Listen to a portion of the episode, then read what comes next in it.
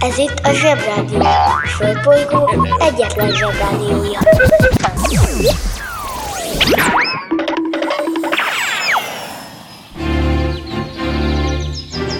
Zsebrádió! A következő műsorszám meghallgatása csak 12 éven aluli gyermekfelügyelete mellett ajánlott. Bemegyek az oviba, suliba. Mindig a mamám hoz a buliba. De mikor a papa hoz a tutiba Rendszeresen csemmegézünk sütiba. Megérkezünk, csekkolom a jellemet. Búcsúzáskor mindig van a jelenet. Hátöltözés, benti cipő, ölelés. Bemegyek és kezdődik a nevelés. Megjelente én vagyok a csoda lény. Cuki-muki odaadott ünnemény felnőtteket tenyeremből letettem. Így lesz nekem sima ügy az egyetem. Láttam a barbit egy világos kiklovon Hogy Póni volt vagy szamár, eskü nem tudom Az oviban napos, a suliban meg hetes Az ebéd az ugyanaz, de kilötyög a leves. Vége az ovinak, a mama megvárat Biztos, hogy megment a mancsőrjára. Mi volt a házi? Nem emlékszem. Mit tenne ilyenkor? Tűzoltó szem? Napközi külön orra szabad idő Húszosabb, én melegítő tornacipő. Én, a Lozi, meg a Gyüli, meg a Bélus. Heti kettőt maladunk, mert váll a logopédus. Van akinek bocska, másoknak meg Balázs. Nekem minden reggel a zsebrádió a varázs. Milyen kit a pálya, mindenkinek ácsi. Minket hallgat minden gyerek, s minden néri bácsi. Van akinek bocska, másoknak meg Balázs. Nekem minden reggel a zsebrádió a varázs. Milyen kit a pálya, mindenkinek ácsi. Minket hallgat minden gyerek, s minden néri bácsi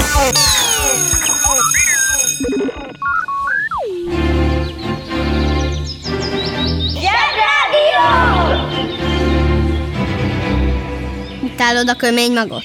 Utálod azt a zöld izét? Amíg nincs gyereked, lehetsz gyerek. Infrahangot a tenger hullámzása is képes előállítani, amit tudományosan úgy hívnak, hogy, na hogy, mikrobarom. Uh-huh, mikrobarom, igen. Jól hallottad, mikrobarom.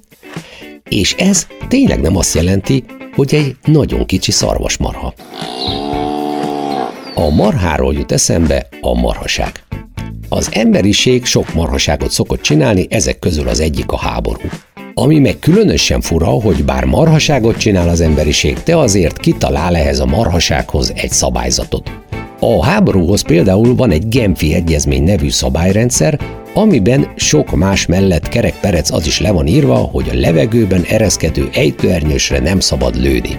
Képzeljétek el, hogy volt a második világháborúban egy Owen J. Badgett nevű fickó, aki az amerikai légierő egyik B-24-es bombázóján dolgozott. Na, és egy Burma nevű országot akartak épp lebombázni, mikor megjelentek a japán vadászgépek, és úgy szanaszét lőtték Badgették repülőgépét, hogy ki kellett belőle ugraniuk ejtőernyővel. De a japán vadászpilótán vélhetőleg rajta volt a harci ideg, és az ejtőernyősökre is elkezdett lőni. A japán pilóta vagy nem olvasta a Genfi egyezményt, vagy csalni akart, de ezt már nem tudjuk meg soha. Ugyanis ez a Badget nevű fickó, aki épp az ejtőernyőjével ereszkedett, és akire épp géppuskával lőttek, annyira felbosszantotta magát ezen a szabálysértésen, hogy elővette a pisztolyát és négy lövést adott le a Genfi egyezményre fittyet hányó japán pilótára. És eltalálta! De olyan jól, hogy a japán vadászgép füstölve kényszerleszállást hajtott végre. Ez az eset volt a háborúk történetében az egyetlen légicsata, amit egy pisztolyjal nyertek meg.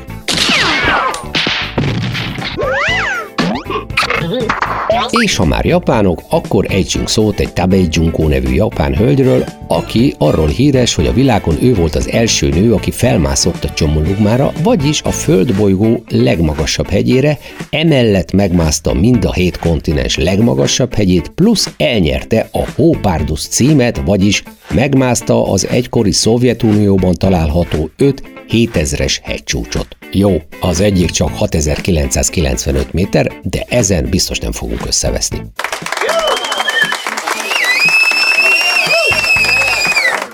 Ennek a bizonyos Csomolugma hegynek a csúcsát, ami hegyet mások Mount Everestnek hívnak, Elsőként egy Edmund Hillary nevű ember és hűséges fegyverhordozója Tenzing Norgay, aki szintén ember volt, 1953. május 29-én érte el.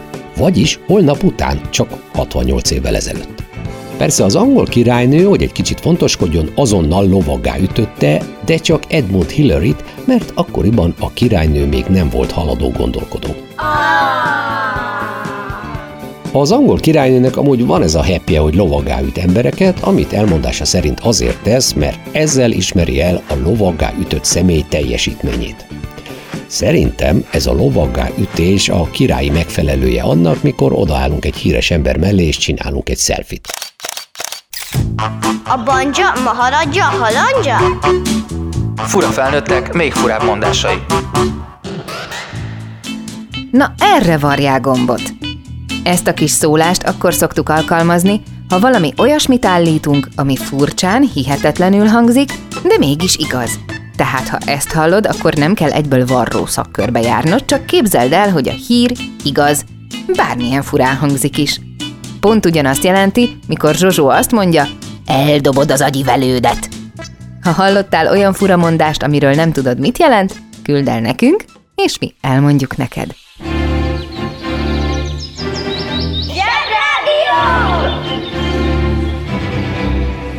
Üzenem azoknak a felnőtteknek, akik sutyiban hallgatják a zsebrádiót, hogy jól teszik.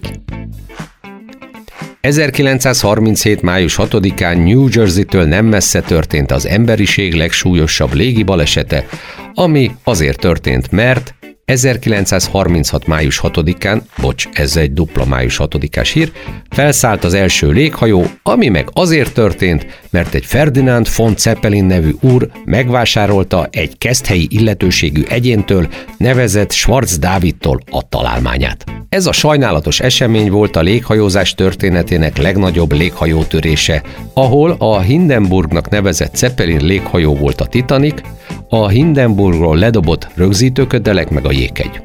Jó sokan meghaltak, ezért aztán a léghajózásnak befellegzett. Pedig micsoda karrier állt előtte. Képzeljétek csak el, iszonyú lassan és hangosan zümmögve utazhatnánk a levegőben, és mondjuk Korfura, Rips-Rops két nap alatt elrepülhetnénk. Persze mindezt iszonyú drágán és veszélyesen. Mindeközben a fedélzeten szólna egy gőzzel hajtott gramofon, rajta pedig a mechanikus sercegészűrön keresztül trillázna Márkus Alfred kedvenc kupléja, a Ceppeline járó. A gőzpánkok imádnák.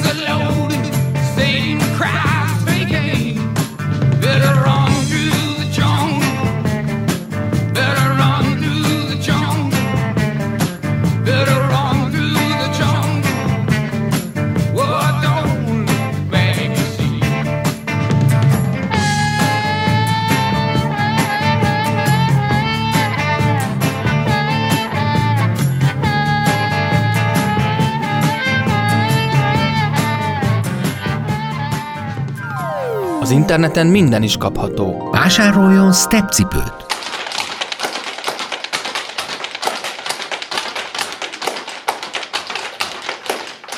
A stepcipő kiváló szórakozás, akár baráti összejöveteleken is. A műsorszám Stepcipő. megjelenítést tartalmazott. A Zsebrádió legjobb barátja a Telekom. Közi Telekom! Jó fej vagy! Kérd csak itt! Együtt, veled!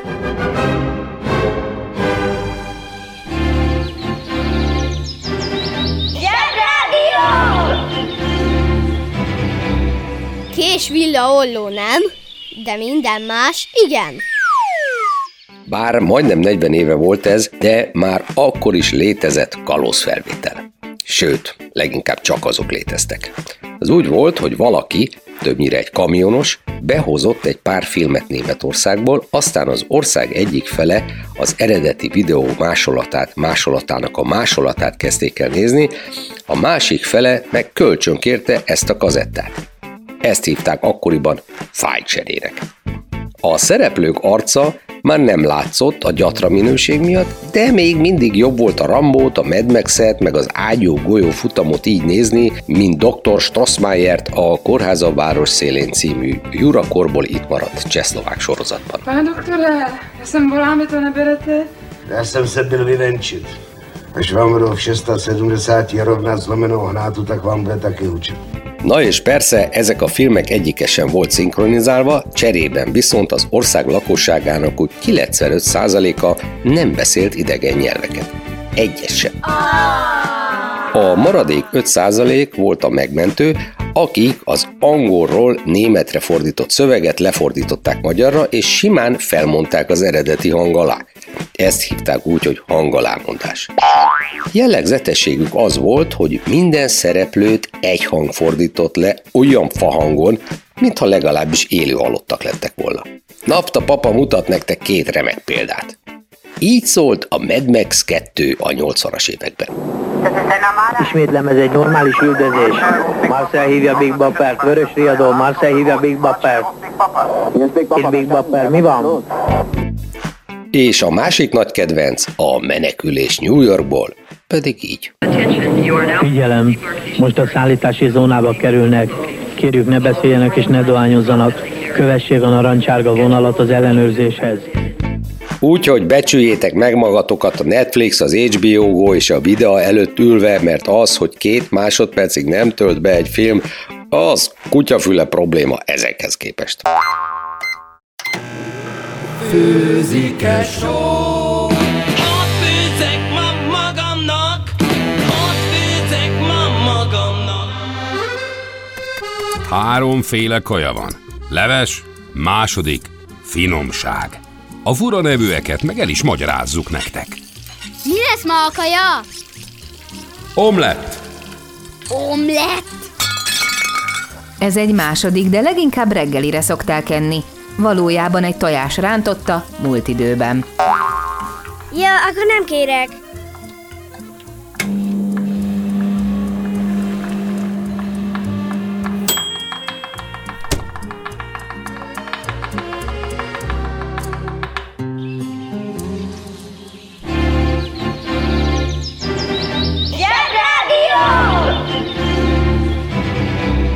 Zsebrádió. Hihetetlen dolgok, hihetően.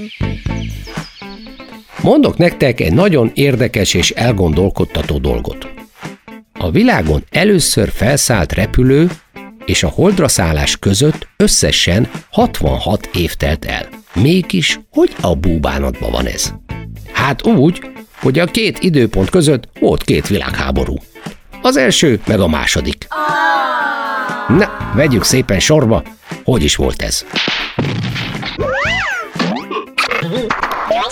Na szóval, ez az egész úgy kezdődött, hogy volt egy testvérpár, Orville és Wilbur Wright, akik Amerikában éltek és bicikliszerelők voltak. Nagyon izgatta őket a repülés, és rájöttek, hogy a repülés elméletéről leírt dolgok többnyire hibásak, így belekezdtek egy saját fejlesztésű repülőgép megépítésébe. Végül 1903. december 17-én felszállt a Flyer egy nevű repülőgépük, és, most nagyon kapaszkodjál meg, 39 métert repült. Tehát 1903-ban ez a 39 méternyi repülés volt az emberiség legkiemelkedőbb teljesítménye a légi közlekedés terén. Wow! De hogy a fenébe lett ebből 66 évvel később egy 360 ezer kilométeres repülés a világűrön át egészen a holdig? Hát úgy, hogy 11 évvel később jött az első világháború. Ekkor már a repülés picivel jobban állt, a repülők akár már 39 kilométert is tudtak repülni. A katonák hamar rájöttek, hogy a repülőgépeket remekül lehet használni a háborúkban. Először még csak légi felderítést végeztek velük, aztán a pilóták pisztolyjal lövöldöztek egymásra, meg olykor kézi gránátot dobtak az ellenségre. Ezt nevezték annak idején légi csapásnak. Ha-ha-ha. De mire négy évvel később véget ért a háború, a repülőgépek igazi csatagépekké váltak, a repülőmérnökök elképesztő újításokat találtak ki, a pilóták pedig addig sosem látott repülési módokat fejlesztettek ki. Húzd meg jobban, menj el a munka, aki itt van, mindenki húzza. Mi leszel, ha nagy leszel? Repülőmérnök. A mérnök megnevezés eredetileg földmérőt jelentett. A mérnök szó a mai értelemben vett jelentését a 19. században nyerte el, amikor az ipari forradalom rengeteg addig nem létező szakmát hívott életre. Ezek egyike volt a mérnök, amely a technika fejlődésével szakosodott például gépészmérnökre, vegyészmérnökre, építészmérnökre, a repülés megjelenésével pedig repülőmérnökre. Egy repülőmérnöknek egyaránt jól kell ismernie a matematikát, a fizikát, ezen belül az aerodinamikát, de a különböző anyagok, fémötvözetek tulajdonságait is kívülről kell fújnia. És persze az se baj, ha egy repülőgép vagy egy helikopter nem ronda.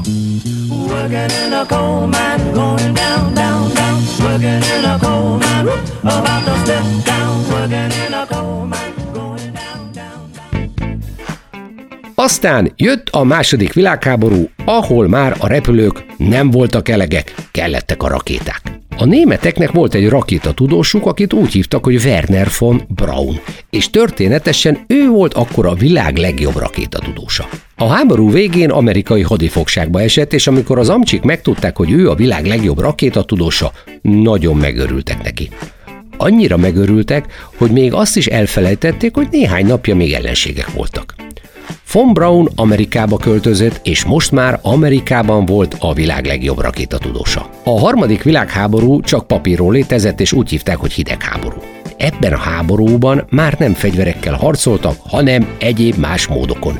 Például kitalálták, aki előbb jut a holdra, az a menőjenő. Na persze, eddigre már Werner von Braun rég a NASA-nál dolgozott, még az igazgatója is volt egy időben, és megépítette a Saturn 5 nevű rakétát, amivel az amerikai űrhajósok 1969. június 16-án leszálltak a Holdon. Most pedig következzen a Zsebrádió programajánló! Ha akarjátok, várjátok meg az EB végét, de ha nem, és nincs kordon allergiátok, azt javaslom, menjetek ki a Puskás Aréna játszóterére. Kettő is van belőle, egy a gyerekeknek, egy a felnőtteknek.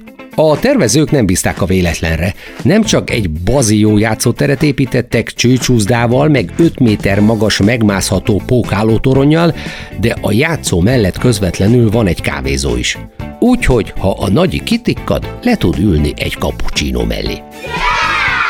De ha már ott vagytok, mindenki nézze meg a szoborparkot is, ami igaz, mai szemmel nehéz értelmezni, de az 50-es években még jó ötletnek tűnt a puskatussal egymást agyonverő katonák szoborcsoportja. De vannak még hegyes cicis lányszobrok és konok tekintetű, semmibe révedő fiúszobrok.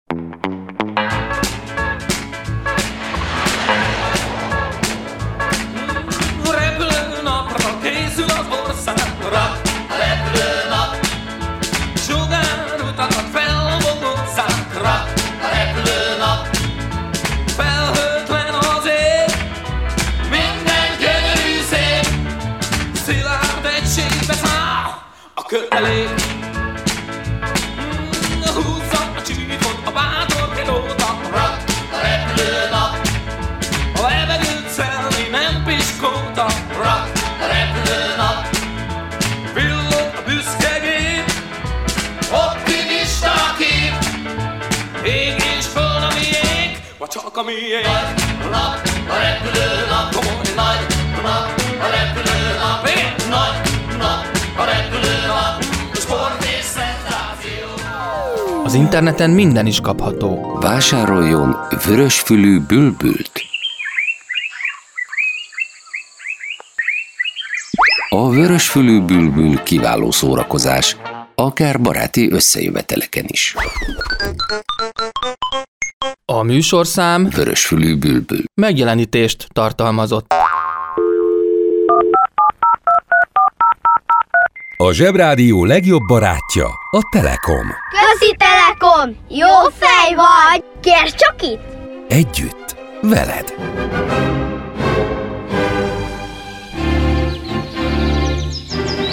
Zsebrádió! Kedves felnőttek, köszönjük, hogy ma reggel is türelmükkel támogatták, hogy most már nekünk is van rádió!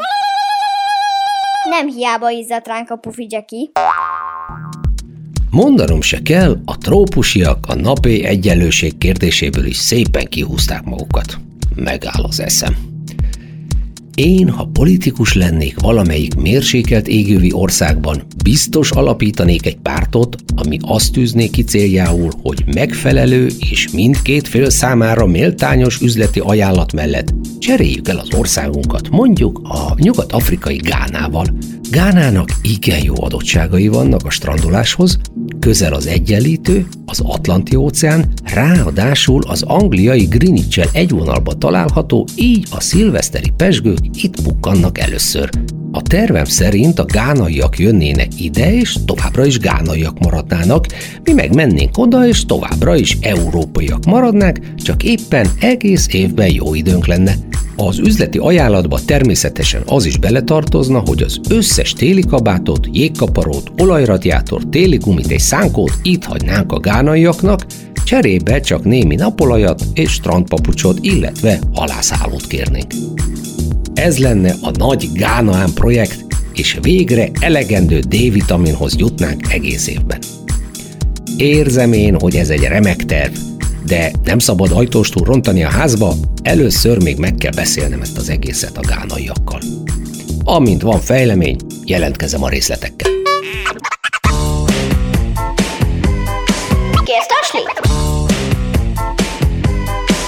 Kérsz tasni?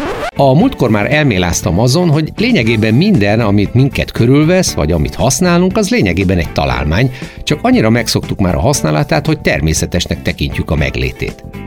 De a találmányoknál néha érdekesebb a találmány létrejötte, ami valami egészen másra hívja fel a figyelmünket.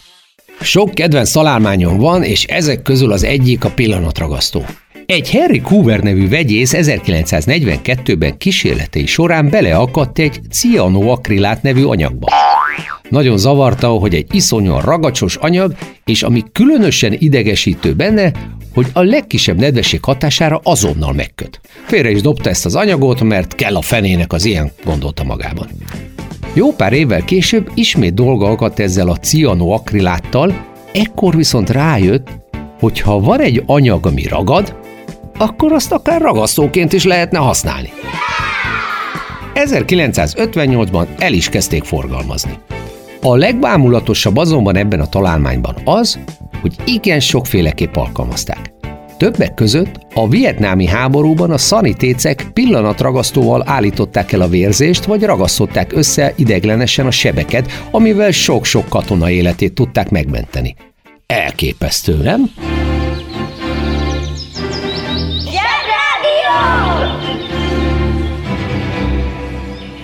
Zsebrádió nem csak gyerekeknek. 1899-ben ezen a napon született a világ egyik legszerethetőbb őrültje, Herbert James Burt Munro. A kalandos életű új-zélandi urat azért illik ismerni, mert 1967. augusztus 26-án az amerikai Utah állambeli Bonneville-ben egy kiszáradt sóstó medrében az 1000 köbcentis motor kategóriában felállított egy hivatalos 305 km per órás és egy nem hivatalos 331 km per órás sebességrekordot, amely rekordokat mind a mai napig nem sikerült megdöntenie senkinek. Ez a teljesítmény azért is különleges, mert Burnt bátyó a rekord felállításakor 68, a saját építésű motorja pedig egy Indian Scout 47 éves volt. Remek példa arra, hogy az álmainkat elérni sosem késő, csak nem szabad teljesen felnőni. Egy picit mindig gyereknek kell maradni, hogy hihessünk benne. Ha érdekel Bird Monroe élete, nézd meg az utolsó Indián című igazán remek filmet. Hannibal a kanibál nagy kanállal falja benne a sebességet.